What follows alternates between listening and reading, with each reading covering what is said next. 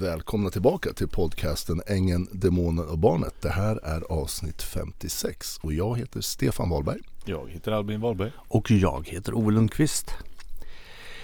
Vi tänkte ta lite spridda skurar idag men eh, jag vet att du har fått lite information Stefan som kan vara lite en uppdatering på läget som ja, är lite speciellt.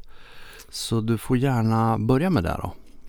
Ja, jo men det tycker jag. Eh, vi tar den allvarliga, allvarligaste biten först. Eh, vi har ju pratat här om allt möjligt i den här historien med e- Bill Engman och Eva Stark. Men framförallt Bill Engman och vi har pratat om eh, eh, torpeder och så vidare som ni har hört själva i podden.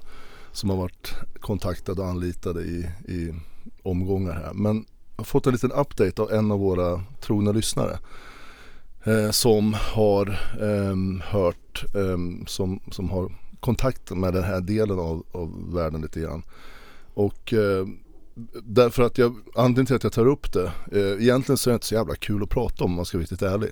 Men eh, det är bara som det är. Eh, att vi har släppt den här podden för med sig lite grann och att de personerna vi pratar om, framförallt Bill Engman är som Han är, för med sig vissa vissa konsekvenser och därför så måste jag ta upp det här känner jag. Det kom in nya uppgifter om att eh, Bill Engman, eh, jag går inte in på några detaljer hur jag vet och vem som har sagt det, självklart det förstår ni men eh, det som är det är mycket trovärdiga uppgifter om att han nu har kontakt med eh, människor från Estland som har då rysk anknytning på något sätt. Som då skulle kunna läggas under gruppen ryska torpeder, vad man ska kalla dem. De säger, kallar sig inte själva torpeder kanske om, i den här världen. Men ni förstår gruppen av människor som är kontaktade för att då eh, hjälpa honom att, att, ta hand om problemet med mig som han ser då. Eh, Bill Engman är ju nu eh, vad vi har förstått så är han ju, tycker han, såklart tycker han att det här är lite jobbigt med den här podden. Ehm, därför att sanningen kommer fram och det kan ju vara jobbigt om man har saker som man hittar på som man gör som man inte vill ska komma fram. Av all möjlig karaktär. Men nu har han alltså gått eh, vidare och när det här har skett eh, lite har vi inte fått, vet jag faktiskt inte. Men det är i, i nutid och inte så långt borta. Eh, och anledningen till att jag säger det också det är då att hotläget för mig och de människor som jag har runt omkring mig har ju, har ju mm, hotbilden har ju ökat. Och i kombination med att de som vet om det här, de som har fått den bevisföring jag hade till, upp, till, till för ett tag sedan, polisen och den säkerhetsavdelning som är där, uppenbarligen än så länge inte har klarat att göra någonting åt det. Um, då, ja, vi ser ingenting i alla fall. Jag vet ingenting och jag har inte hört någonting från dem. Det är klart att de berättar ju inte allting för mig och för oss vad de gör såklart. Men jag har ju inte sett någonting eh, att någonting skulle ha skett trots att de har fått bevis. Så då måste jag ju göra så här att jag får gå ut och sen så får jag bara sprida budskapet. För när folk håller på så här som Bill Engman gör då ska det spridas. Så att alla ni som hör podden kan ha det i åtanke. Och skulle någon av er höra någonting att, eh, av, av, i det här området, vad som helst, så hör jättegärna av er. Eh, därför att det här är ju inga, eh, vad ska jag säga, så ni förstår eh, Ehm, vad det innebär. Den här typen av människor som kommer från den här typen, det här området då, eh, Estland som har enligt uppgift ryska kontakter också, så är ju det är ju vad ska man säga, det är ju så allvarligt det kan bli om man pratar om människor som är i den här branschen om ni förstår vad jag menar. Så ehm, det är måttligt sådär kul. Jag, jag, personligt så håller jag inte på att få spatt över det. Men jag har ju människor runt omkring mig som jag bryr mig väldigt mycket om. Vi sitter här i podden med er och, och jag har andra runt omkring mig som jag har, har när, i mitt hjärta som ni förstår. Så man vet inte vad som händer när sådana här människor blir inblandade. Och uppenbarligen, eller uppenbarligen, det vet vi ju, vi som har lyssnat på podden, så drar sig inte Bill Engman för att hitta på sånt här. Vilket innebär då att inte bara jag eh, kommer i, i någon slags hotläge här och, och, i fara utan även alla de som är runt omkring mig. Vilket är, det, det är det som beklämmer mig väldigt mycket och jag måste verkligen säga det på största allvar. Därför att eh, den bilden om man tänker sig, man måste spekulera i vad som eventuellt skulle kunna hända för att kunna eventuellt vara beredd på någonting som kan hända. Men de, de, de bilderna och de situationerna blir väldigt svåra. Eh, här sitter jag då med en, en, man som jag faktiskt har drivit företag med som har gjort allt det han har gjort eh, inklusive att anlita människor till att eh, ja, ta hand om någonting som, eh, och i det här bör ju nämnas, jag har inte gjort någonting mot Bill. Alltså jag har ju inte det tidigare. Förutom att exponera sanningen, vad nu det är för förskräckligt i det. Och det kan man ju tycka är tråkigt som sagt om man nu är inblandad i den, den jobbiga delen där. Men annars har jag inte gjort någonting mot Bill annat än att han har blåst mig på min del av företaget. Och efter det här så kommer han på att, vänta nu, Stefan kanske kommer på det här. Och då måste han göra någonting mot mig för att försöka undanröja mig. Det är, så, det är så märkligt alltihopa. Men lik förbannat så är det här den verkligheten som jag lever i. Och en allmän bara tanke till er som lyssnar. Ta med er det här och eh, det här mycket allvarliga liksom, ämnet som vi avhandlade lite i början här av podden. Och jag, och jag ber er faktiskt eh, eh, så rakt jag kan, hör av er om ni vet någonting. Och, och ha gärna ögon och öron öppna runt det här. För det här möjligtvis skulle kunna göra det lite svårare för, för Bill Engman att göra det han gör. Och alla de som är runt honom som, som hjälper honom faktiskt genom att håll, många av de som är runt honom vet ju om det här. Mm. Eh, till exempel du Peder, du lyssnar på podden vilket jag tror att du gör. Eh, vet, så länge jag pratar med dig så förstod jag att du vet ju vad Bill gör för någonting och ni delar ju i princip allt tillsammans informationsmässigt. Så du är ju en sån som också stöttar Bill i alltihopa det här. Så det sagt om det. Mm. Vi pratade lite innan om eh, det här med att världen är, nu blir det lite generaliserande, men världen består av ledare och följare. Ja precis, vi kan, vi kan ju börja där. Ja, vi kan då... bara säga, jag, jag pratar med, ni har ju hört ni som lyssnar på podden att jag gick igenom min religiösa period som jag har gjort, ja allt det som har hänt det vet ni ju att jag kallar mig kristen idag fast jag gärna står för min tro själv. Men, Eh, men som sagt jag frågade farsan en gång, jag läste ju faktiskt, jag gick så långt att jag läste teologi när jag var runt 25 år. Eh, då läste jag ett år faktiskt för att riktigt grotta ner mig i det. Och då frågade jag farsan en gång att eh, men farsan vad, vad tror du på då? Ja, och han är ju då, jag vet inte om han jobbar fortfarande då som militär, men han har jobbat många år som militär. Och det kanske påverkar hans syn något lite grann, men sådär. Han sa att ja, jag ser världen så här, det finns ledare och det finns följare. Och sen utvecklade han det såklart, men den, då tänkte jag, vad menar med det där? Men sen efterhand genom livet så har, har det mer och mer gått upp för mig att det är precis så världen funkar. Mm. Eh, om ni är med mig på den bilden. Alltså det finns ledare och följare i princip alla grupperingar i samhället. Väldigt tydligt om man, om man tänker efter. Man kanske inte tänker så mycket på det. Um, och, och, det finns en mindre grupp ledare och en större grupp följare och det är ju helt okej. Okay. Jag tror att vissa är nog skapta lite mer för att vara ledare mm. och vissa är nog skapta eller danade kanske i uppfostran eller vad det nu är till att bli följare. Och, och det, det, är bra att det är så. Någon tar ut en kurs och en grupp följer med och sen kör man och blir effektiv och sen gör man till. Men då man delar upp den här gruppen ledare så finns det ju väldigt tydligt, i många fall i alla fall, ibland kan det vara svårt att avgöra, men i många fall så är det nog väldigt man ser väldigt tydligt att det finns bra ledare och det finns dåliga ledare. Mm. Men det gemensamma är att de får med sig sina följare mm. väldigt, väldigt, väldigt långt. Mm. Och ganska vanligt är det också att de som är ledare har narcissistiska drag. Mm. Och väldigt duktiga på att manipulera. Och det här gav ju liksom också en språngbräda in i en annan diskussion som vi har haft flera gånger tidigare. Men jag har ju funderat ganska mycket kring det här för att eh, nu kommer ju folk få tycka vad de vill eh, men folk börjar bli fördummade. Alltså de eh, börjar tappa kontrollen över sig själva.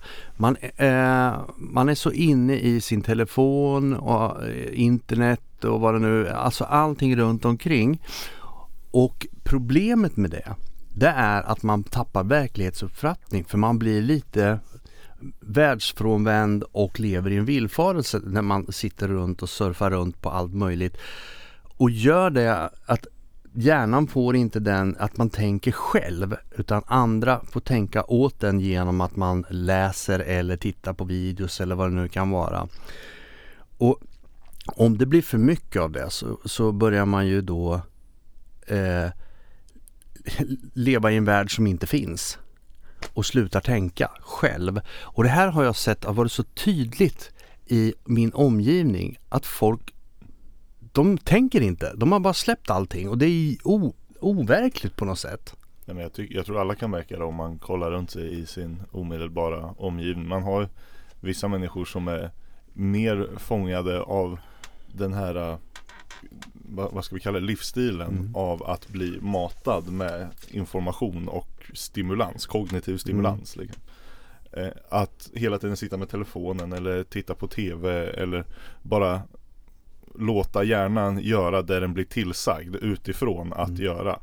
Eh, Man tittar på någon underhållning på telefonen och det är någonting roligt, haha, man skrattar. Man, det är ingenting du behöver söka upp aktivt och anstränga dig för att tänka efter och klura ut hur du når den här stimulansen, den här Mm. dopamin eh, påslaget så att man bara, oh det här var nice. Och det där är ju så, man behöver ju inte fatta några beslut heller. Nej, de, nej, men de är det- redan det är det fattade är- åt dig liksom. Det är det som är grejen. ja. Och ju mer man blir så, ju mer tror jag man dras till att inte ifrågasätta saker. Eh, och jag, jag, jag är ingen forskare, jag är ingen neurolog, jag vet inte vad titeln skulle vara på någon som kan det. Men jag tycker ändå ganska rimligt att dra parallellen mellan att man inte istället för att kanske läsa en bok där du ändå måste anstränga dig och tolka ja, men, abstrakta symboler till Mm. att bli ord och sen associera det själv med saker du upplevt. Det är ändå ganska mycket ansträngning eh, kognitivt. Alltså när du pratar om bok, jag ska ta ett exempel på det. Eh, jag har i- läst en hel del böcker, min fru är värre, hon läser hur mycket som helst. Men jag blev rekommenderad att testa ljudbok. Mm. Och eh, det gjorde jag. Jag började med att lyssna på eh, Magnus Uggla. Mm. och han läser sin bok själv. Det är rätt underhållande. Det är Magnus Uggla som talar till mig. Jag får höra hans historia. Jag behöver inte bygga upp några stories. Det kan vara rätt un- det är underhållning. Ja. Sen bestämde jag mig för att lyssna på en roman. Mm. Där, när den var slut, så slutade jag lyssna på ljudböcker. Och jag ska förklara varför. Därför att det är någon som sitter bredvid mig, eller bredvid mig, det är någon som sitter och pratar i mina lurar. Bla bla bla bla bla och berättar. Jag får en historia, jag behöver inte tänka utan det bara går. Jag kan stå och göra vad som helst. Jag kan stå och skära grönsaker eller vad som helst. Ja. När jag läser en bok så bygger jag upp mina egna världar. Jag ser hur personen ser ut. Alltså nu Exakt. börjar jag ju då använda hjärnan Ja. själv att bygga Fantasi. upp någonting. Jag fattar Ja. egna beslut om hur gatan ser ut. Fattar ett Ja. eget beslut om hur rummet ser ut. Det gör man inte med ljudbok.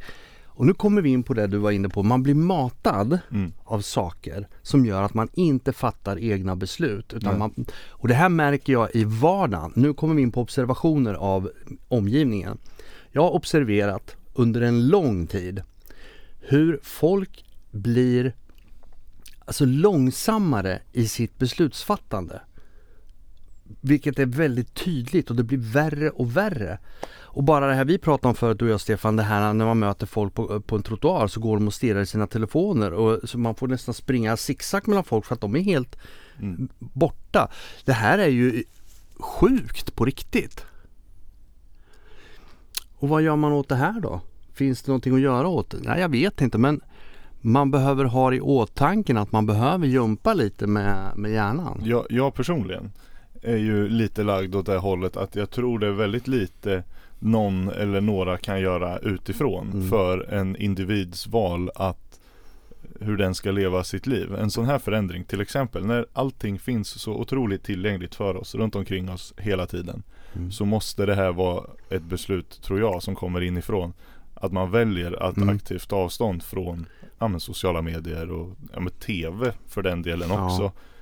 Eh, välja vilka nyheter man lyssnar på, välja vilka bara ta till sig information som man tror själv är ja, men, både trovärdig och inte bygg, trycker på innehållet och inte underhållningsvärdet Mm. om vi Ja, formulera jag, det jag så. förstår vad du menar. Och eh, väldigt, väldigt, med, med mycket omsorg välja vilken typ av underhållning man tar till sig. Vi har ju ett nästa problem också i det här. Vi, eh, jag träffade, vi var hemma som kompis och vi pratade om det här med potträning. När man ska börja med det. Mm.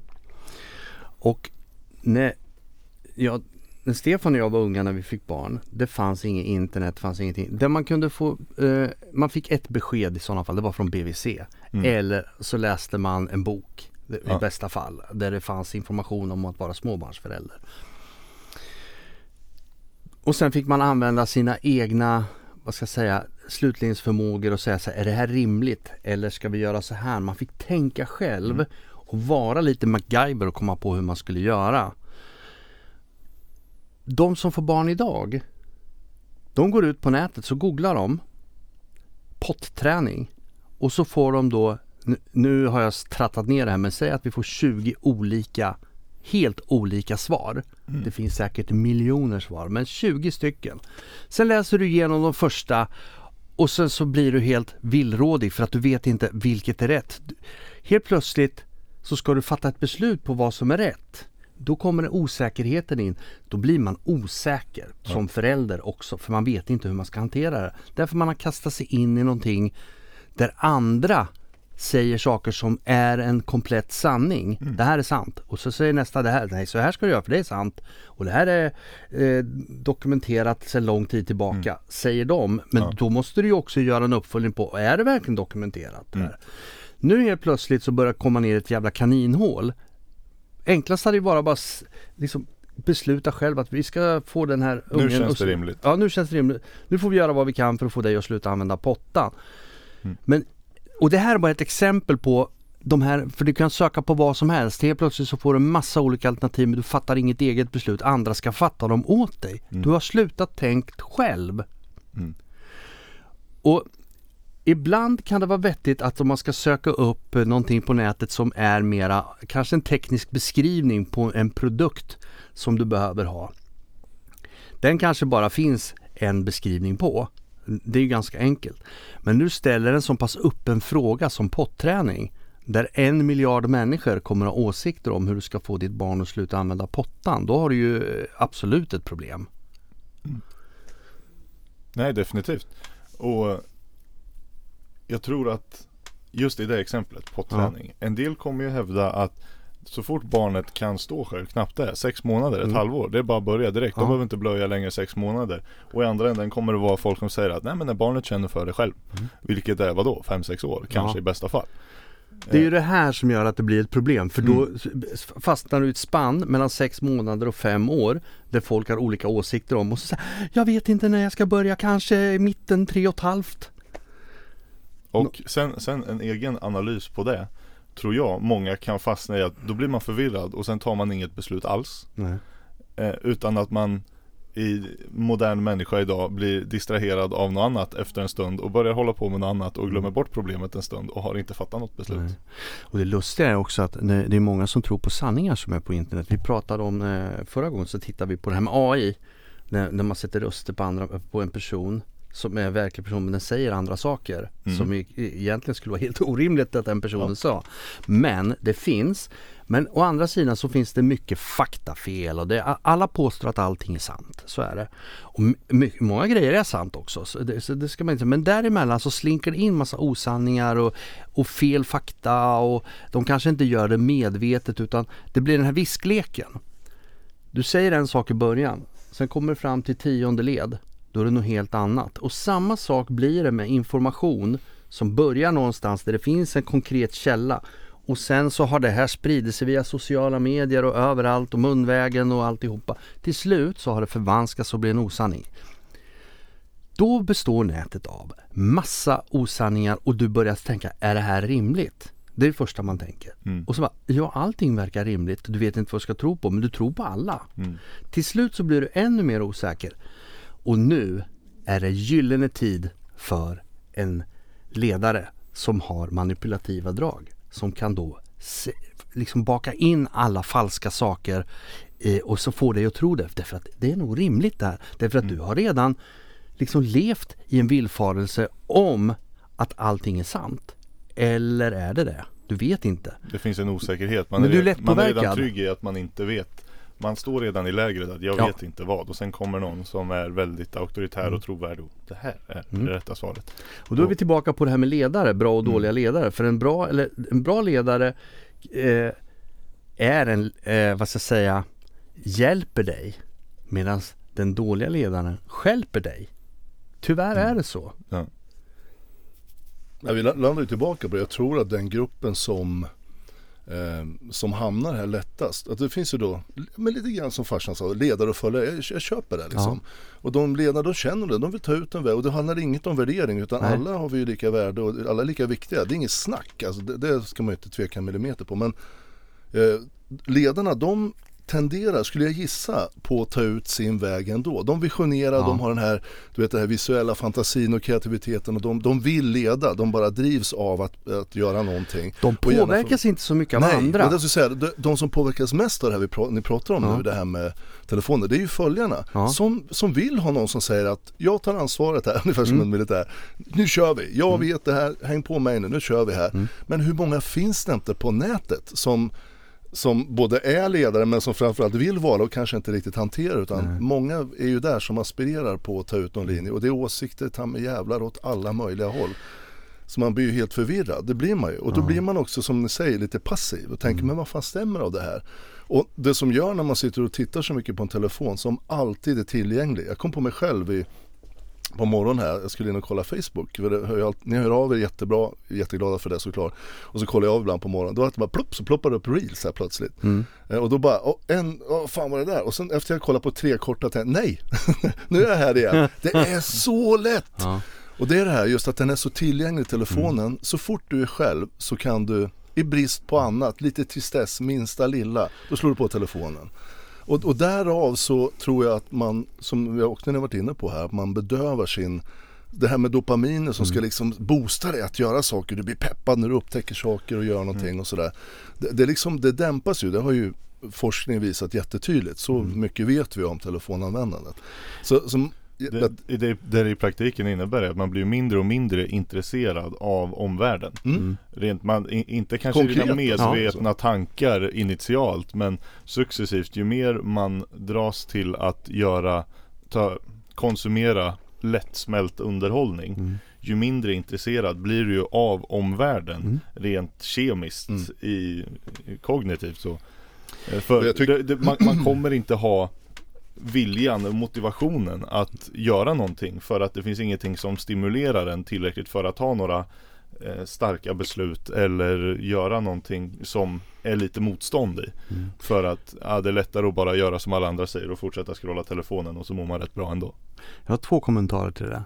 Den ena var, för bara här, det, jag kan det vara, tre veckor sedan, kanske fyra veckor sedan så var jag på sjukhuset och skulle ta vanliga blodprover. För, och när jag kommer in på labb så är det då ett stort väntrum. Då sitter kanske tio personer där inne. Alla sitter och stirrar i en telefon. Och då tänker jag så här, så ser det ut idag. Alltså, bara den synen fick mig verkligen att tänka, fan det är verkligen, folk är ju, ursäkta uttrycket, men dumma i huvudet på riktigt. Eh, men jag går in och sätter mig där och sen i ren protest så ger jag fan i att använda min telefon. Därför att ingen annan går och tittar. Det är som zombies, de bara sitter där. Du kände att du måste göra ett statement? Ja, ett statement. Du, även om det, det var ingen som märkte det. Så det var ju protester i tysta kan man väl säga. Så det, det hade jag inte mycket för. Men observationen var det att folk var fullt fokuserade på sina telefoner. Sen när de blev uppropade och så, så började de titta på var, var är den där skylten någonstans? Var, var ska jag gå någonstans? Då var de inte förberedda på det. Utan då var de tvungna att ha någon som, egentligen så skulle man ha haft en sköterska som kommer ut och tar dem i handen och går in och sätter dem på en stol. Därför att de kan inte fatta beslutet själv att där har jag eh, den här nummerräknaren och den står också vilken, vilken plats jag ska till. De får total förvirring under en stund och det var flera som var före mig så jag, det var ett återkommande tema. Så jag tänkte vad fan är det här?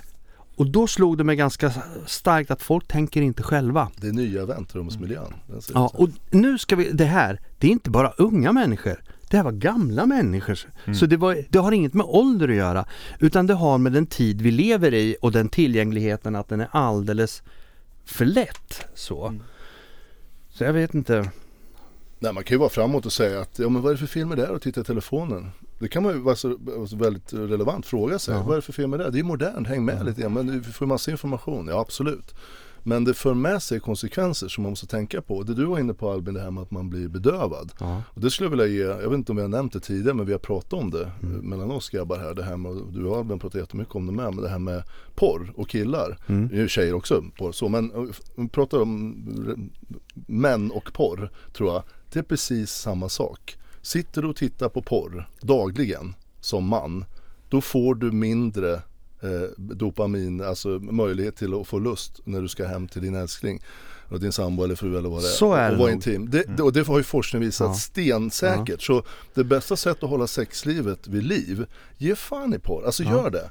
Och jag förstår eh, för män, för oss män så är det, det är så, vi är lite mer vi funkar enligt mitt sätt att se i alla fall lite annorlunda än kvinnor även fast det här berör kvinnor också jättemycket idag eftersom det är inte bara män som sitter och jobbar på. Men, men alltså var försiktig, var försiktig. Och måste du in så var, gör det väldigt begränsat men ge, helst ge fan i det. Jag tänkte på den andra grejen också som jag reflekterade över. Det var ju det här att det blir ju också att hjärnan går på något konstigt varv. Alltså det är inte så att du, får tänka själv utan den blir matad med massa annat så här så du blir ju bedövad i Mm. huvudet på något sätt. Kroppen är helt Med, still med men massa skit egentligen.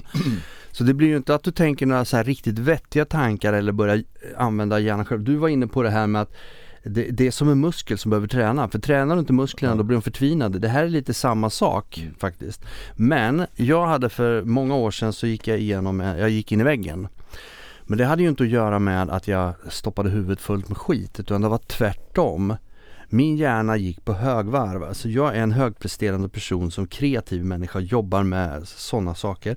Det innebär att hjärnan går på högvarv hela tiden. Jag tänker, jag fattar beslut. Jag, jag är den totala motsatsen till den som sitter framför en telefon.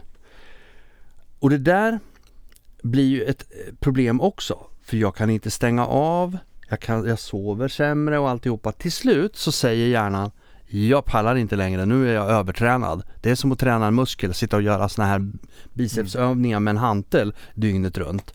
Till slut kommer muskeln bara lägga av och säga att jag vill inte mer, sluta. Och det var precis vad som hände mig.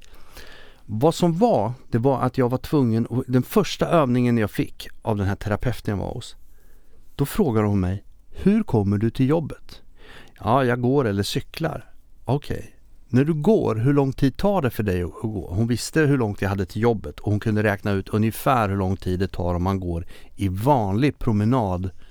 Alltså in, inte gå fort. Jag gick jättefort. Och så sa hon, frågade hon igen, tar det verkligen så här kort tid? Ja. Du ska få en övning. Du ska få börja gå till jobbet så här mycket tidigare och sen ska du gå väldigt långsamt och sen ska du observera din omgivning runt omkring dig och det här är ju en mindfulness-träning. Mm. Och jag gör den här övningen motvilligt ska jag säga. Men jag gör det. Och börjar titta i trädgårdar på vägen och börjar observera saker som jag fan inte har sett förut. Tänkte Mm. okej, jag går med skygglappar när jag går och sen är jag i min egen värld med det här kreativa tänkandet och jag löser Och full, va- full, full varv i hjärnan. För jag Ja. löser problem. Jag är problemlösare så att jag löser problem på vägen. Men jag tittar inte på det som är runt omkring för det är inte intressant. Jag måste skärma av. Mitt, mitt tankesätt blir lite smalare då eftersom allt annat det blir störningar. Mm.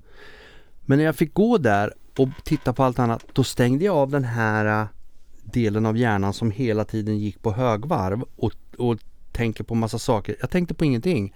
Jag bara tog in. Och sen så tänker man så här, det där får jag tänka på när jag kommer till jobbet. Jag behöver inte tänka på det nu. Och den här träningen var ju någonting som har blivit bättre för mig nu. Jag kan stänga av och jag kan sätta på Mm. när jag behöver. Eh, men det var ingenting som var enkelt att göra. Men vad jag ska komma till det är att alla behöver titta sig runt omkring i verkligheten. För du var inne på det, det här med att man Mm. tappar liksom omgivningen och verkligheten. Ja. Man blir eh, lite så här inspärrad i det här. Det jag hade, det var ju min telefon fast i hjärnan. Fast den var ju, eh, där var det jag som skötte det kreativa tänkandet. Mm. Ni Med som din kreativa personlighet så gick det ju bara i 190. Ja, ja, ja. Men tar man bort den och ersätter den med en telefon och den går Fast du behöver inte använda ditt eget tänkande utan det är andra som tänker åt dig. Ja. Då får ju inte hjärnan den jumpan som den behöver. Det är inte den här hanteln som går hela tiden. Det är ju bara luft. Jag tar ju del av några undersökningar sådär, ja, sista åren sådär som har kommit fram nu som är tydligt. Det är ju det här den här bristen i, den här, den här obalansen i att hjärnan, du blir ju matad på ett effektivt sätt med telefonen. Mycket, mycket mer än vad du kan uppleva. Mm. Du reser och det är videos och de säger massa saker. Det är information, det bara plöjer in i hjärnan. Men du rör inte kroppen ett dugg. Nej. Och den obalansen gör ju någonting med kroppen. Och det som händer, och en annan undersökning som jag såg, det var att de försökte, de hade någon grupp som inte fick någonting, en grupp som fick antidepressiva och en grupp som gick till gymmet. Mm. Och det, var, det här är en stor undersökning, men jag, jag, om någon vill så kan jag absolut ta reda på vilken det är så ni kan se själva. Och den gruppen som mådde bäst, det var den som gymmade. Mm. Alltså hör och häpna, det, det är det som är sensationellt i det.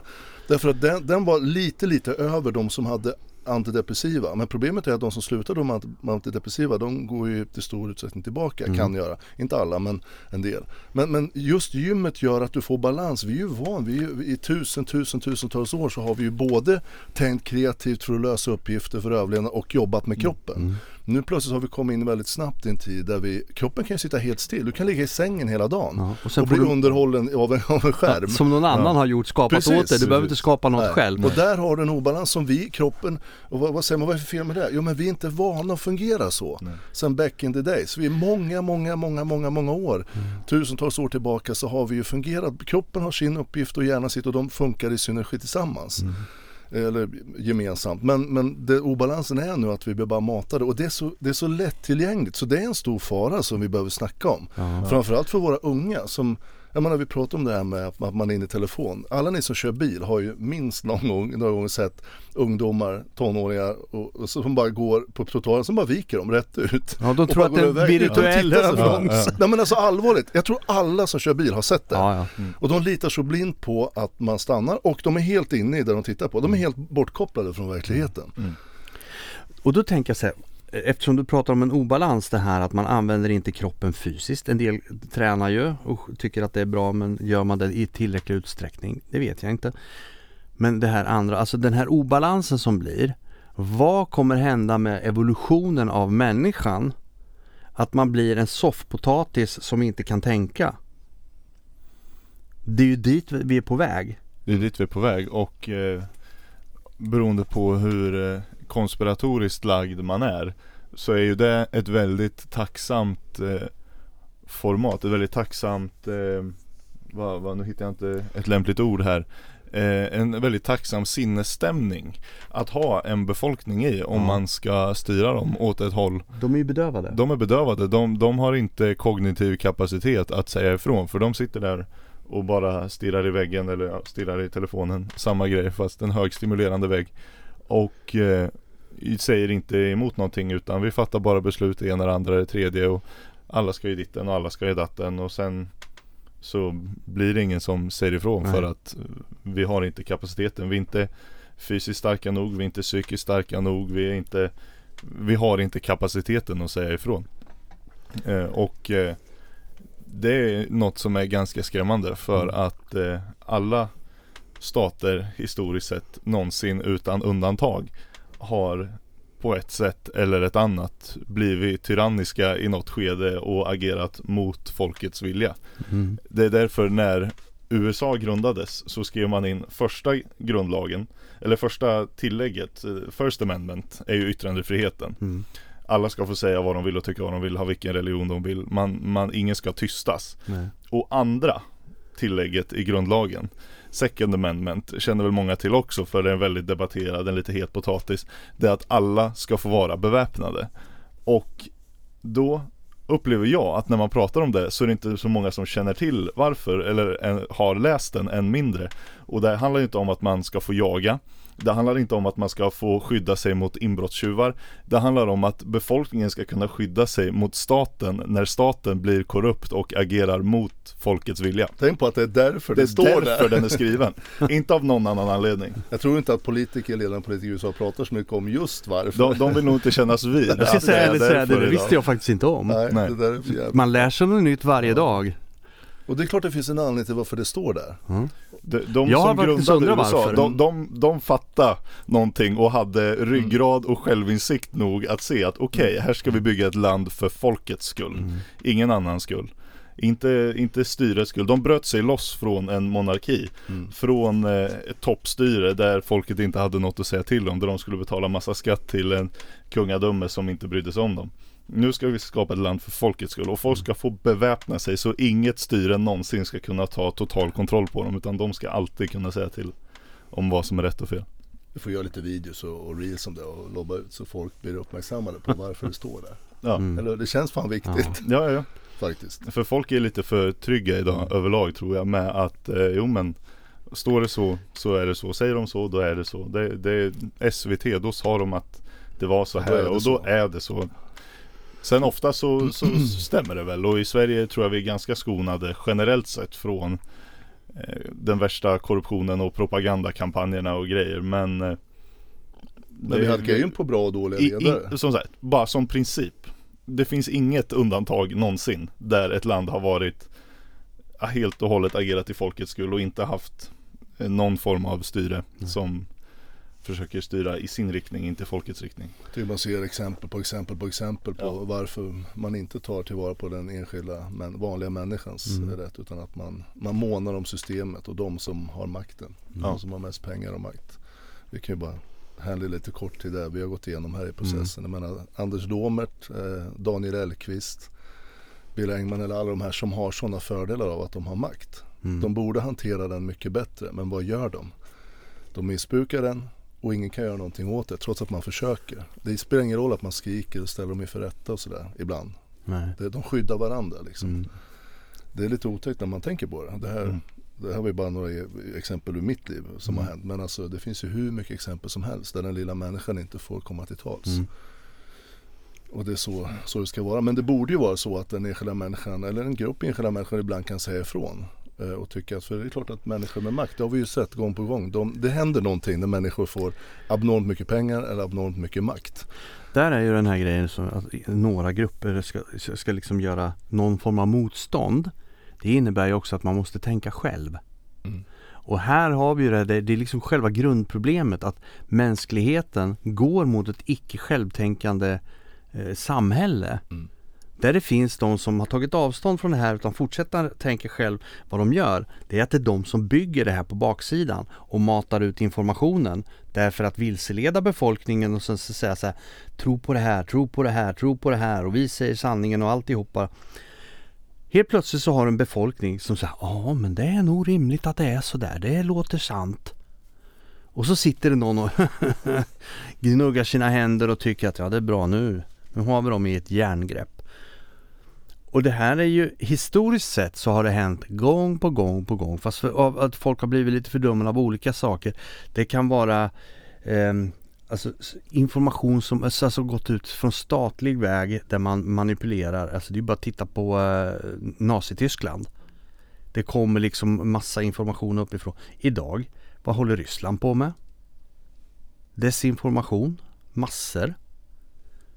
Och befolkningen visste ju inte ens om att det var krig i Ukraina. Och han, man fick inte ens nämna ordet krig. Alltså det här är ju också Nu sitter då, de, nu, eftersom det är dagsfärskt också, ryska befolkningen, nu tror jag de börjar vakna till liv. Men stor del av befolkningen tror ju att det Putin säger är sant. Och tror på att så här är verkligheten. De tänker inte själva. Sen finns det de här utbrytarna som faktiskt tänker själva och gör någonting åt det. De här som inte är, de går inte på det här. De tänker att det här är inte rimligt. Det kanske är så här. Eller behöver jag undersöka det här vidare för att få fram rätt information från rätt källor. Ja, och sen det här med att, eh, en liten uppmaning till all, alla vi som sitter och pratar här tillsammans med er som lyssnar.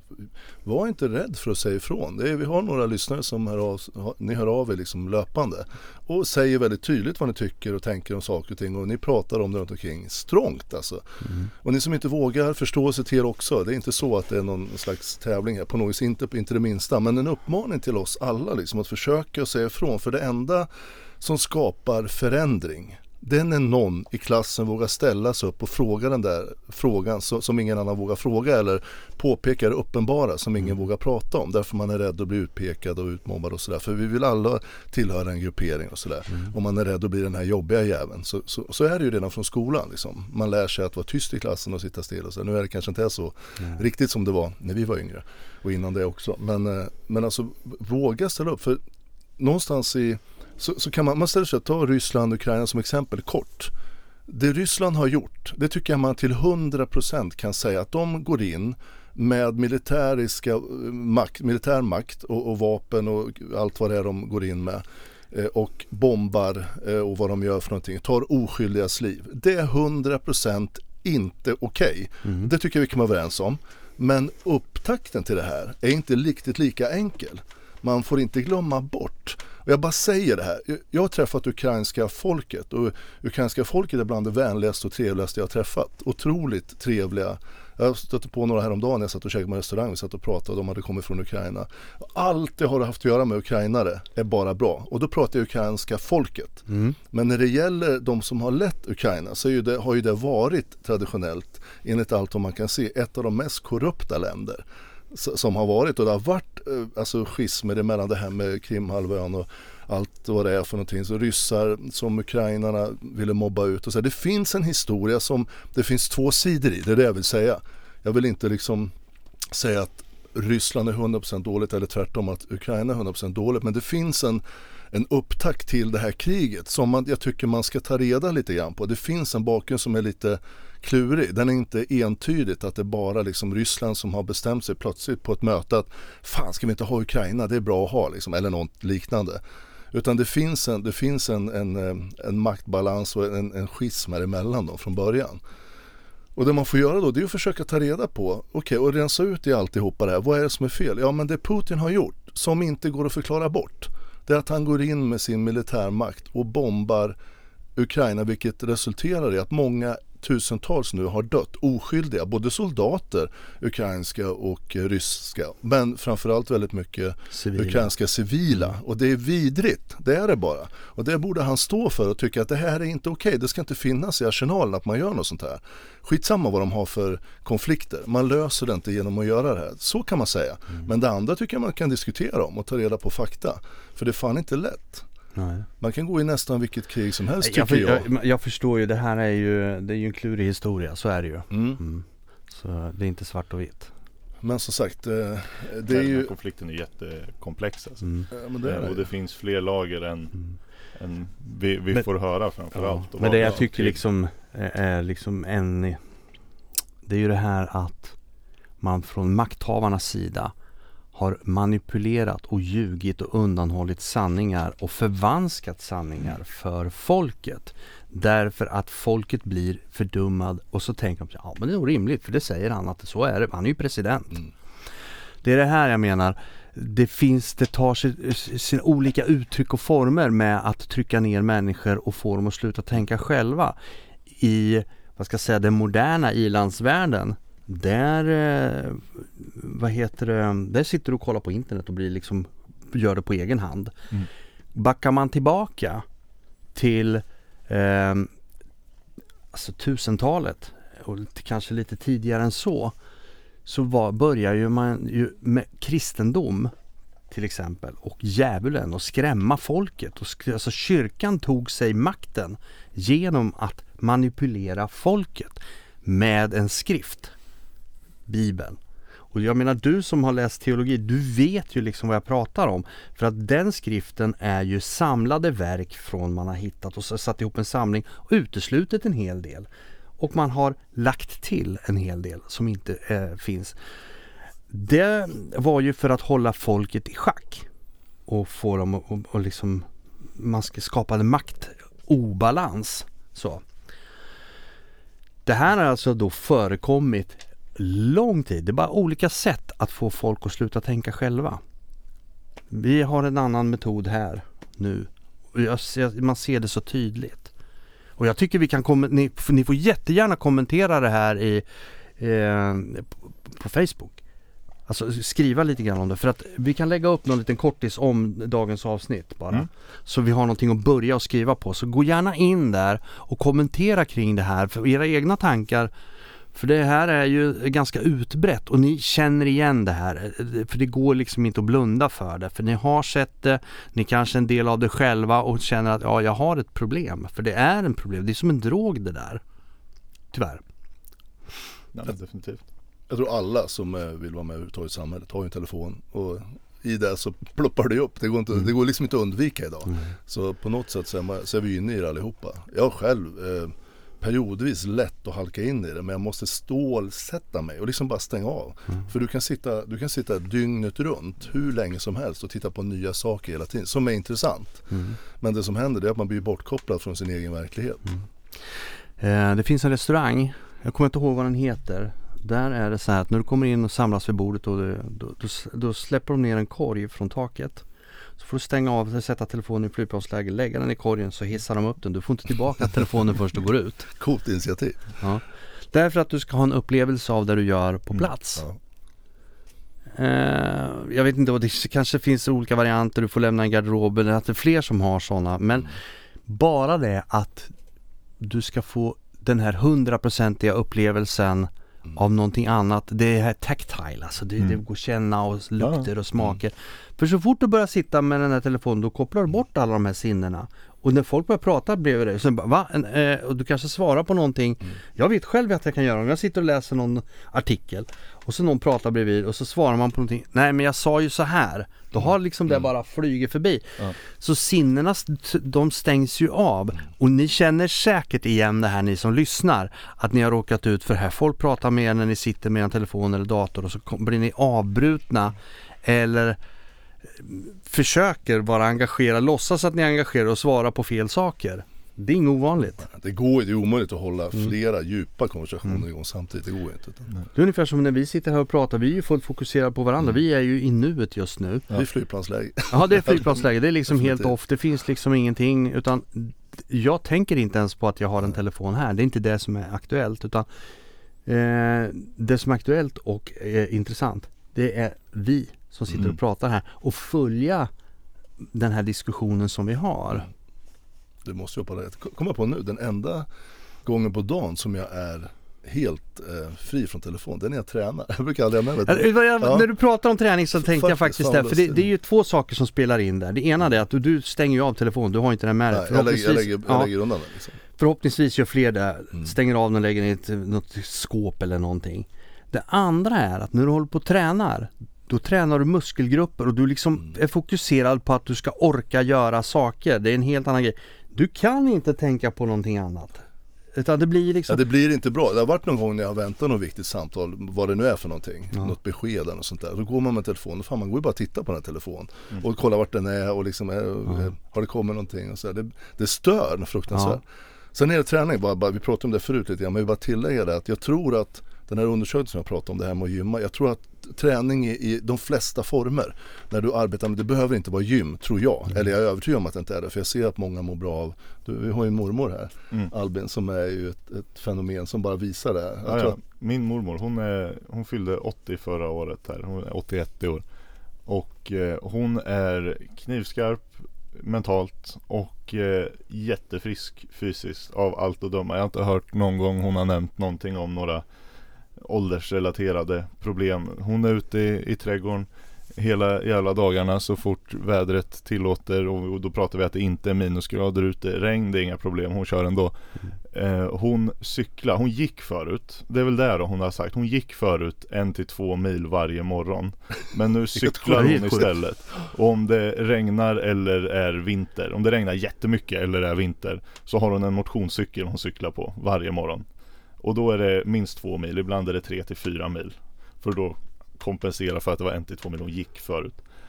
Eh, Och det här håller hon på med hela tiden och har massor med grejer hon rent socialt eh, håller på med, håller flera initiativ, hon är väldigt kyrkligt aktiv och håller flera eh, kurser eller vad vi ska kalla det där och eh, är runt i olika sammanhang och är jätteaktiv.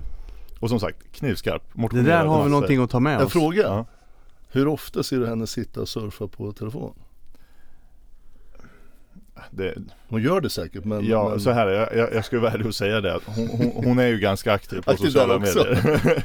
det, det är hon ju absolut. Så, Men då är hon aktiv och läser och svarar och... ja men, men det, jag det, tror det, att det, det, det, det, det, här- det, det är väl en av, avvägningsfråga lite grann. Ja, hur mycket men- och men- lite man ska göra. det är det här jag tror är det viktiga. Att hon konsumerar inte massor vad jag vet. Hon producerar massor, hon lägger upp saker hon gör hela tiden. Mm. Hon, det, det är utan bekymmer några gånger om dagen hon lägger upp någon bild eller delar något gammalt minne eller hon, hon lägger upp saker. Mm. För det tror jag, om man kommer in i en vana att man faktiskt genererar Mm. grejer, producerar saker, man gör content och laddar upp på sociala medier. Mm. Då tror jag inte det är ett så jävla stort problem för då har du, det är, den här, det är en helt annan kognitiv process Mm. att skapa saker. Men det är det här när du hela tiden tar till dig saker och inte skapar saker. Det är då man kommer in i den här eh, negativa eh, effekten av att man frånkopplas verkligheten. För det, det, det tror jag. Hon, hon använder sociala medier mycket men, men hon genererar, producerar mycket mer än hon konsumerar. Är Intressant. min uppfattning väldigt stark. Och sen håller hon ju kroppen i, tre, i, i, igång och hjärnan Definitivt. igång. Mm. Ja. Både och. Ja. Därför har vi sagt det. det är en, Ja det är ju jätteintressant. Det, allting handlar ju om en avvägning. Jag, jag sitter inte och säger att folk ska sluta använda sina telefoner. Men däremot så ska man minska be, alltså, användandet av det. Och kanske till och med införa något form av telefonförbud hemma. Man kan ju börja med några timmar eller kanske lägga telefonerna i hallen och sitta i vardagsrummet och sen får de bara, ringer det så ringer det. Då får man väl gå och svara men man behöver inte hålla på. Man börjar umgås mer. Jag tror också det här att eh, det kan avta den här familjekänslan som man kanske har. Man pratar mindre med varandra, man sitter med sina telefoner eller paddor eller vad man nu har. Jag tänkte på en annan grej också som kan vara väldigt störande när vi pratar om sådana digitala produkter. Jag har ju en Apple Watch, jag har haft det i många år. Eh, den har jag och använder mera som en hälso hälsoapp än någonting annat. Nackdelen med den, det är ju att man får notiser om allt möjligt jävla skit hela tiden. Och då ska man hålla på att stänga av allting sånt där. Men man kanske vill ha det i en viss utsträckning, vissa saker. Men när det hela tiden zzzt, zzzt, låter eller liksom vibrerar i handen eller på armen så blir man ju stressad av det. Det här är nästa grej, det skapar stress. Så Mm. jag väljer att plocka bort den här och använda Apple Watch eh, vid utvalda tillfällen. Så. Och det går att stänga av eh, notiser men den fortfarande går att använda. Då kan man sätta i något störa i läge och då kanske man då har telefonen också i störa i läge eftersom de går på samma, hänger ihop. Men det här är sådana grejer man kanske kan plocka av vissa saker för att få ett liv som är lite lugnare och man får lite mera syn på sin omgivning. För om jag får en massa notiser på den där klockan då sitter jag och tittar på den hela tiden. Mm. Och så kommer jag på mig själv, men vad fan håller du på med? Ta bort den där. Jag behöver inte titta på Ekot, alltså nyheter från Nej. radion. Det vill- Alltså, det- det, hett tips till alla som jag. Jag kan ha nämnt en grej tidigare angående telefonen och det, det finns nästan i alla moderna telefoner idag ett läge du kan ställa in så hela telefonen blir svartvit. Allting du konsumerar, eller alltså hela skärmen blir svartvit, du har ingen färg på den. Den blir mycket mindre eh, uppmärksamhetsfångande, den blir mycket tråkigare att titta på. Det är ett hett tips. Hmm. eh, Det blir lite lättare att inte fångas upp av Kan den man göra det på en iPhone? Det visste inte jag. Ja, jo det kan man, definitivt. Det måste du visa mig sen. Ja, eh, och sen tips nummer två Det är att jag är övertygad om att det går på en iPhone också men jag vet att det går på en Android. Det är för jag gör det själv frekvent När man laddar ner appar eller vad man än har för appar så är ju alla medvetna om att man får notiser titt som tätt om att ja, nu har du inte använt den här appen på länge eller ja, du har någonting ditten datten eh, Bara tramsnotiser. Mm. Och det går att gå in i inställningarna och välja vilka appar som får skicka notiser Ja det kan du göra på iPhone. Och det, Ja, och det, mig, där det, jag varit. det är något jag gallrar väldigt Ja. hårt. Jag har ungefär Spotify och appar där jag får meddelanden. Men jag har tagit bort blocket för att de skickar så mycket trams. Jag Även vet. för att man får meddelanden så man får gå in och kolla om man har fått meddelanden manuellt. Eh, men så ta bort alla notis, eh, ja vad kallar man det, rättigheter för alla appar som du inte väldigt gärna vill ha notiser om. Mm. Typ meddelanden och den typen av grejer. För det där är ju en del av det här att det hela tiden, det är inte bara att du sitter och konsumerar utan du får, blir också påmind om att du ska Ja, du, du konsumera. blir infångad. Ja. Den, den, De tycker så här, nu har du, nu har du gjort dig, någonting liksom. på ett tag. Blip, blip, blip säger Ja. telefonen så får du massa notiser och börjar du titta i den där, vad det nu än kan vara. Jättemånga kommer sitta och nicka nu och säga, ja jag känner igen det där. Mm. Och det handlar om det vi pratar om nu, det du var inne på Albin. Det finns ingen som kommer att säga det här åt dig. Nu har vi lite snack om det i podden här men det, du måste bestämma dig och titta över själv. Gå lite Ja. utifrån ditt liv och säga, är du, inte, är du nöjd med ditt liv 100% och är lycklig? Vilket ingen av oss är till fullo, för det är man inte. Nej. Utan det finns saker du kan förbättra. Mm. Och du kanske till och med en jobbig period mår dåligt som fan. Titta på det här med telefon och skärmtid. Alltså gör det, även fast det är jobbigt. Det är så lätt att fastna där men det är vansinnigt svårt att komma ur det. Så titta på hur du kan minska det och ersätta det med något annat. För det är bara du själv som kan göra ändringen. Och du är inne på det här med, vi pratar om du såg ju Albin någon undersökning det här med hur TikTok ser ut i västvärlden slash Kina. Det måste du berätta. Jaha. Det är ju för massor, man får ju bara alldeles vad i helvete. Nej, i, eh, Och TikTok kommer ju från Kina va? Ja, precis. Exakt. TikTok är ju en kinesisk app från början. Eh, som sen spreds, den hette ju Musical.ly eller något från början där du bara skulle filma dig själv till musik och grejer. Utvecklades vidare, blev TikTok. Den heter någonting annat i Kina men ikonen är samma och eh, själva typsnitt, hela appen är uppbyggd på samma sätt. Det är samma app, bara att den heter något annat än TikTok.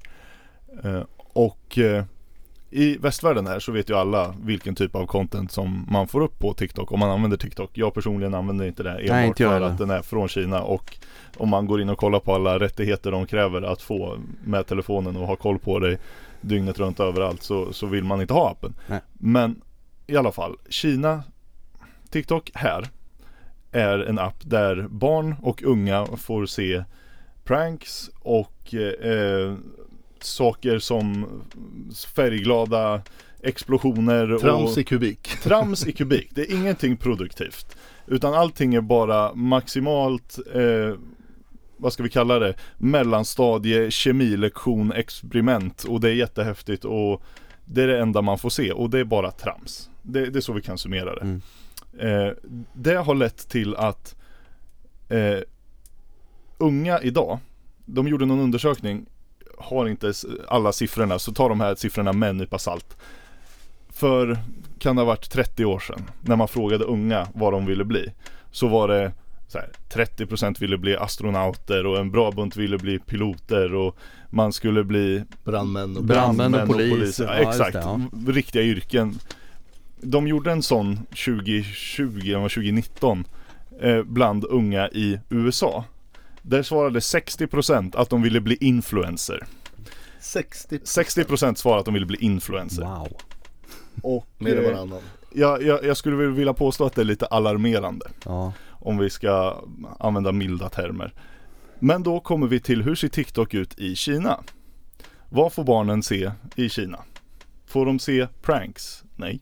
Får de se färgglada ballonger som exploderar och det är massa slime och kladd och annat? Nej. Inget sånt. Får de se stenar som faller från hög höjd eller stora isbowlingkulot som släpps från... Nej, inget sånt. De får se unga män som har varit militärt aktiva och blivit hjältar för sin nation. De får se par som tar hand om sina familjer och sitt liv och jobbar hårt. De får se eh, eh, allting som du kan vara stolt över i ett land. De får se tjänstemän som, som gör saker de kan vara stolta över. Va, tänk dig, vad skulle en produktiv nation vilja ha? Sånt får barn se i Kina.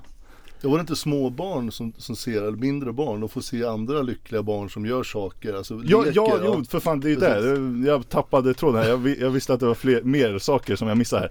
Eh, de får se barn som är duktiga på att spela instrument och som är duktiga i skolan och får ta emot priser när de har vunnit olika tävlingar i olika kunskapssammanhang. Och eh, de, de får se bara saker som vi alla här kan vara överens om att vi skulle vilja se våra barn uppleva. Istället för det jävla Istället för att bli influencer. Det där låter som en sån och, här och hur var det med, ja, utopisk så här, f- 50-60-talsfilmer från USA liksom det här. ja. Det- Alltså det Ja, låter ju lite mm, så jag ser det precis. framför mig Ja, den de här, här framgångsrika, Lugna gatan, eh, det- de här glada familjerna Ja, och det är en precis. militär, alltså det Exakt. finns de här riktiga yrkena Ja. som, eller Mm. Hur var det med tiderna då? Var det inte, de fick inte Ja, titta? nu, nu, jag, jag tappar ju hälften av alla Ja det är bra att vi, han påminner ja, dig. Det hjälps åt det för fan. Nej, det är efter klockan, jag kommer inte ihåg om det är 8 eller 10 Så stänger de av servrarna Då har barnen inte tillgång till appen Wow. Då är den nere Då är det färdigt. Och Titta. från för klockan om det är 8 på morgonen eller 7 på morgonen För att alla vet här i västvärlden, barn sitter hela fucking nätterna om de har tillgång till Och barn behöver telefonen. sova. Och Det låter som Sveriges sova. Television på 70-talet. Precis.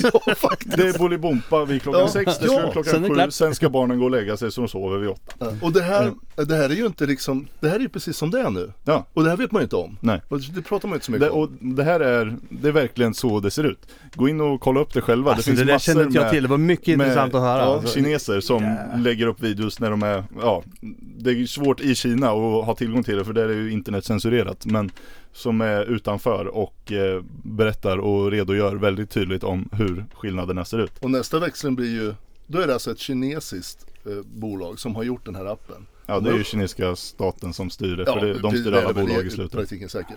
Men då har de gjort den här appen för sina egna då i Kina, ser det ut så. Och vad är det som gör att de vill att vi i västvärlden ska, ska ha den här varianten? Det kan man ju spekulera i. För vi ska bli dova, dumma och inte ett initiativtagande Ja. individer som inte har något att säga till Och om. vem som helst förstår ju att det här kommer ju ha effekt på de ungdomar som sitter och tittar på det här. Kraftfullt. Kraftfullt. Nu, Ja. nu kommer vi in på det här som jag frågade, nämnde redan i början. Vart är vi på väg? Jo, om vi tittar på det här nu med den här bakgrunden, det här vi kände inte jag till.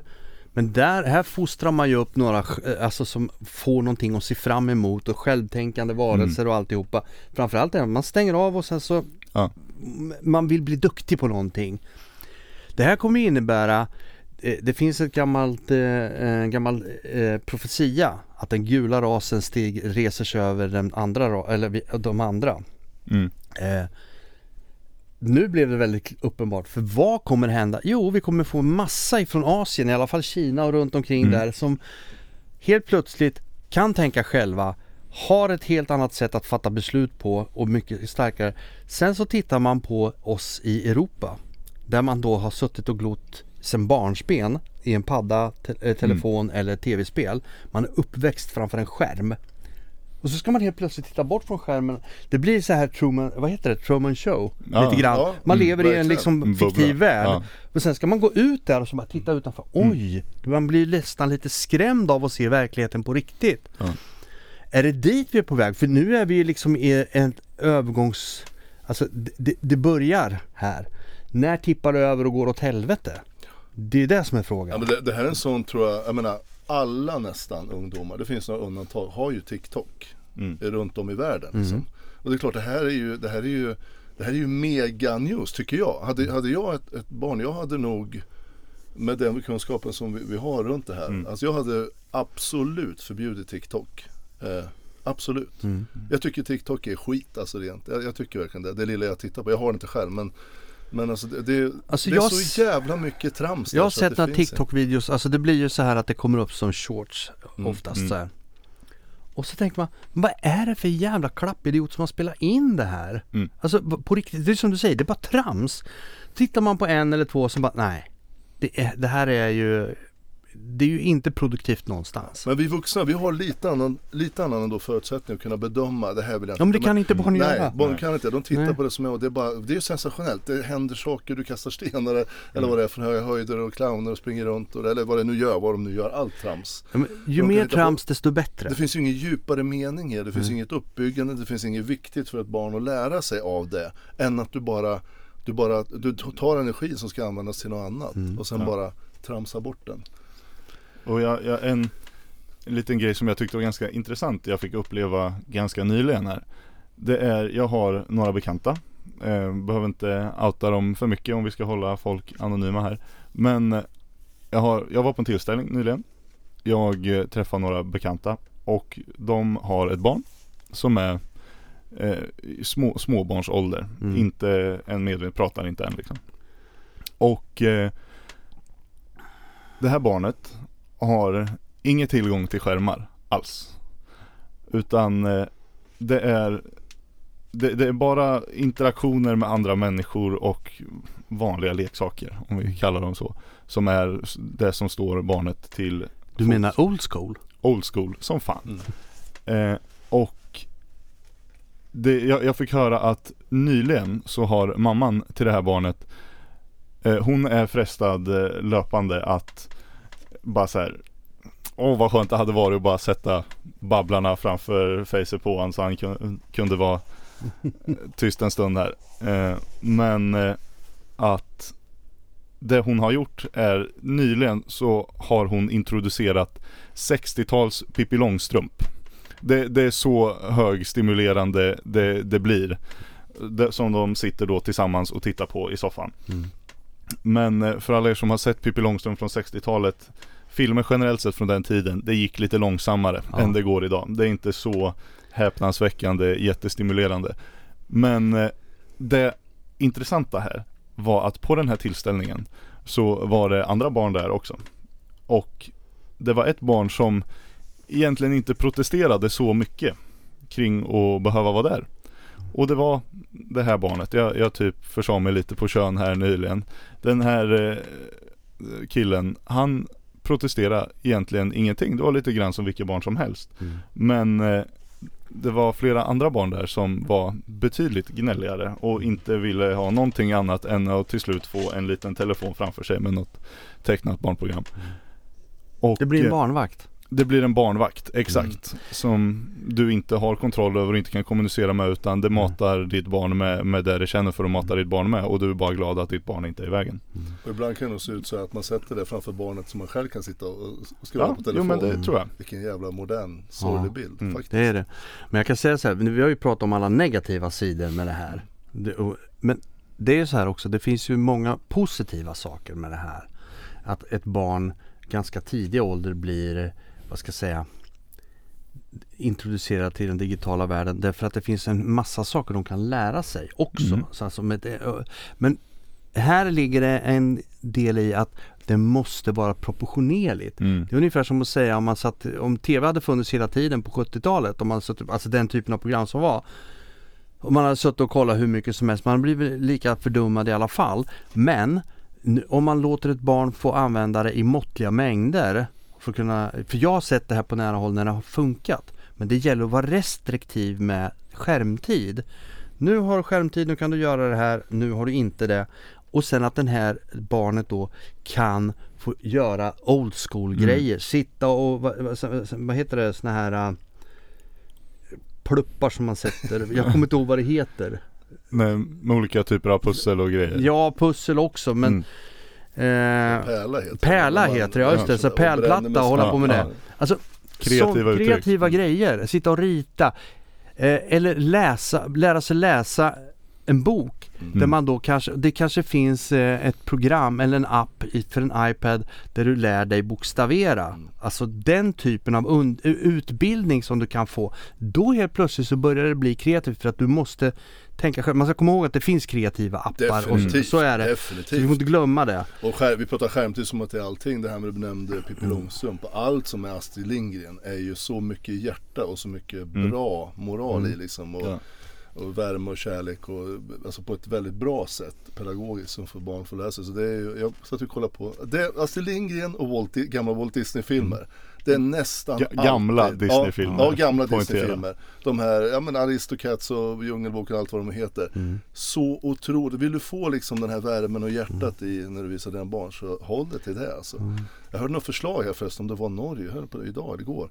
De, jag vet inte om det var lag eller om det var direktiv som skulle gå ut att det skulle vara förbjudet eller om det var en stark rekommendation att barn under två år ska inte överhuvudtaget titta på skärm, skärm överhuvudtaget. För det är någonting med deras utveckling som gör Mm. att Mm. de, de tappar någonting, eh, hade forskningen visat. Och det här och det var liksom barn under två år, absolut, alltså det var noll. Ja, men jag, jag kan verkligen tänka mig att det är så. det. För det här paret som jag pratar om här, de, de har bestämt sig för att det inte ska vara någon telefon eller andra. De hade gjort det här undantaget med Pippi Långstrump då. Mm. Men eh, inga skärmar innan han är fem. Nej. Eh, det är det de har bestämt sig för. Och eh, Mycket starkt. ja men jag, jag tror det, det verkligen, som det gör verkligen Ja. är En stor en bra idé. Ja, för problemet är ju det att ehm, det är ju svårt att hitta eh, en nivå på det. När är, när det liksom är det nog? Hur mycket ska man titta? För att det finns någonting bra med det. Det är som man pratar om att alkohol, dricka ett glas vin lite nu och då kan Mm. vara bra för, för kärlen och alltihopa Mm. det här. Men inte, men, inte, men inte en flaska eller två om dagen. Det är ju samma sak där. Ta ett, ett par glas i veckan eller ett glas i veckan. Det är väl ungefär rimligt kan man Mm. tänka sig. Det är väl lite samma sak med allting kan man göra med mått, veta för att övergöra saker blir inte bra. Det är ju bara att titta på om man ska sådana här de sliter ju ut sin kropp istället för att bygga upp mm. den. Jag menar, jag, det finns ju ett eh, fenomen kroppsligt som heter eh, eh, Rabdo någonting, Rabdo, ja jag kan Rabdo kallas det i alla fall, lite löst men det finns en, en längre term som det inte är rabdomyalgi men det är något åt det hållet. Och eh, där du tränar din muskel så mycket så att det är så mycket kreatinin som åker ut i eh, kroppen. Det frigör så mycket kreatinin så att kroppen kan inte hantera det och man i princip kollapsar. Det är, gan- det är förhållandevis vanligt bland crossfittare och eh, även bodybuilders som går på tyngre preparat. Eh, upplever det här ofta och det är direkt dödligt. Du kan dö på fläcken om du inte får hjälp med det fort. Okay. Eh, och det är när man tränar väldigt mycket, väldigt hårt och inte låter kroppen återhämta sig. Fast har inte det blivit, också nu kommer vi tillbaka på det här med influencers som vi pratade om förut. Eh, att idag så har du en annan bild, alltså du tittar på personer som är superfit och de mycket filter också ska man komma ihåg. Men det blir en liksom en lugn eller att du vill ha någonting som du vill leva upp till. Att du börjar träna för att du ska se ut som den här personen. Alltså det finns andra ideal. Jag såg eh, någon reklam här. Det var... Eh, oh, gud. Jag kommer inte ihåg. Det, det, de, det var om underkläder i alla fall. På, jag tror det var på TV. Det var kvinnor som är av modellen lite större. Alltså de ser normala ut som en människa normalt gör. Ja. Det var ganska uppfriskande att se det än att se, det här är någonting som har diskuterats med modeller och alltihopa i evigheter så det är inget nytt under solen. Men har, jag tycker det har blivit mer allvarligt bland ungdomar att leva, eh, alltså svälta sig själva, bla bla bla. Det finns ju mycket som helst. Så det är mycket eh, som pekar åt att man inte tänker själv att är det här sunt för mig? Nej, jag ska se ut sådär. Men den där personen ser nog förmodligen inte ut sådär för den har använt ett filter. Eller det är manipulerat i ett bildbehandlingsprogram och så vidare. Där har vi ett stort problem. Ja men det är en effekt som, som följer med här att du finns så mycket. Och det är samma som vi gillar att träna på gym och Albin med här. Och, ja. och tittar du på de som är eh, några av dem, eller väldigt många av dem som är influencers här. De, de tar, äter ju väldigt mycket annat än köttbullar och gröt. Ja. Och sen så säger de att de äter bara här och det här är lilla hälsopulvret. Mm. Det ska du köpa för då blir du som jag. Mm. Det är ju rena skära lögner. Ja. Eh, och det finns olika, jag behöver inte nämna dem vid namn, ni som vet om det vet vilka som är. De säger att de är natty som det heter, natural utan ja. några hormoner och sådär. Men man ser ju lång väg liksom. En, en man mm. som är 50-60 år som ser ut som en bodybuilder kan inte se ut sån utan eh, olagliga preparat i mm. princip. Det finns kanske en på 20 000 eller sådär mm. som har möjligheten och alla de tränar ut. Men inte ens det, liksom, det går inte, det ser ut på ett visst sätt. Men de där lögnerna, de, de föds ju och så tror man att genom att göra det här och det här så kan jag eh, så kan jag eh, bli så här. Men det stämmer ju inte. Så det, man, återigen, vi kommer tillbaka till det. Var källkritisk som tusan. Och tänk själv, vänta här nu. Vad är rimligt här? För det man ser, återigen, det här är starkaste sinnet vi har. Det är ju synen. Och när du får in det på skärmen här och plus att du hör dem berätta så blir mm. det så starkt. Mm. Så det är svårt för hjärnan att direkt sortera ut, det här stämmer ju inte. Utan jag ser det ju, då stämmer det ju. Mm. Han står här med den här kroppen, han säger det och det. Jaha, ja men då är det nog lite så. Eller? Alltså det, en, det, det bara blir så. Det är ju det här som är faran. Det blir mycket villfarelser, mm. tyvärr. Mm. Och um, jag tror att det här är, det är ju så stort eh, ämne här att diskutera. Det är lite elefanten i rummet fortfarande därför att det är så många som är drabbade och inte vill prata om det. Så är det. Det, är, det är ju som med alkoholister, det är liksom en förnekelseprocess också. Men man ska eh. vara rättvis och verkligen nämna här, ni som dricker alkohol. Det behöver absolut inte vara någon fara. Du har ju en kompis som har en, en dotter som är, hon är så bra och de har gjort så bra uppfostran så det är inte klokt. Mm. Alltså det, de ska verkligen vara stolta. Eh, och några av er vet vilka jag menar, det spelar ingen roll. Men hon tittar ju på skärm ibland. Men ja. de kompletterar det med enormt bra. När man tittar på skärm, då tittar man skärm. När man inte gör det, då gör man det inte. Och mm. det är väldigt begränsat och de gör så mycket annat utöver det. Mm. Och då, där pratar vi om att kanske nyttja skärmen till något bra. Ja. För de får bara titta på bra saker extremt mm. noga. Sådär. Så, så jag menar, det, det finns ju, det är inget svart Nej, eller nej, vitt här. Man måste ändå Nej, det, det var därför jag sa det här med liksom att det finns mycket eh, bra saker med appar som man kan lära sig Mm. läsa, du kan skri eh, skriva, räkna. Alltså den typen av eh, underhållning höll jag på att säga. Men eh, utbildning för barn finns på eh, dator eller iPads. Mm. Och det är klart att eh, det gör ju det att barn som är kanske sex år är längre utvecklade i huvudet då än vad en annan var när man var i samma ålder. Så man, eh, det var, så när jag var, jag började läsa när jag var sex. Jag läste innan jag började skolan. På grund av ett egenintresse. Jag ville. För jag kände mig lite hämmad över att jag inte kunde förstå. Vi hade nämligen såna här, eh, jag vet inte om folk kommer ihåg såna här ABC, alltså såna här, det var ju med faktaböcker. Det sprang runt någon och sålde liksom vid dörren. Mm. Här, Och min morsa köpte en serie. Och de där då ville jag, för det, jag var ju nyfiken för jag ville lära mig. Jag, jag har varit sån sen alltid, måste lära mig. Så. Så jag var tvungen att lära mig att läsa för att förstå det där, vad som stod. Så så började jag, jag var väl lite undantaget från regeln kanske. Men när jag började skolan så var det ingen i klassen som kunde läsa förutom jag. Eh, och idag så tittar man då, de barnen som är idag, typ 5-6 år, de är ju på hugget alltså de flesta. Därför att det finns någonting, om de har haft rätt styrning med, Mm. med, med appar och sånt här, om de själva har ett eget intresse att lära sig. Mm. Men sitter man och tittar bara på massa trams, då får man inte den effekten. Då blir det åt andra hållet istället. Precis, så det är det vi pratar om. Mm. Så det finns bra och dåligt, men det är, det är ett stort ämne det här. Mm. Mm. Hopp, Känns det som vi har tömt ur det här för ja dagen? det har vi nog Det gjort. det, För dagen tror- känns det definitivt Ja. som så. Men sista då innan vi lämnar av. Vi lägger upp en grej på Facebook och så kommentera gärna och så kan vi skapa en liten diskussion kring det här ämnet. För att det är ett rätt intressant ämne och jag tror att Viktigt. ni har massor att tillföra och komplettera med. Och sen är det rädda om er som vanligt. Ja. Så, så hörs vi om en vecka igen. Det gör vi. Bra, ha det gott. Hej då. Hej. Hej då.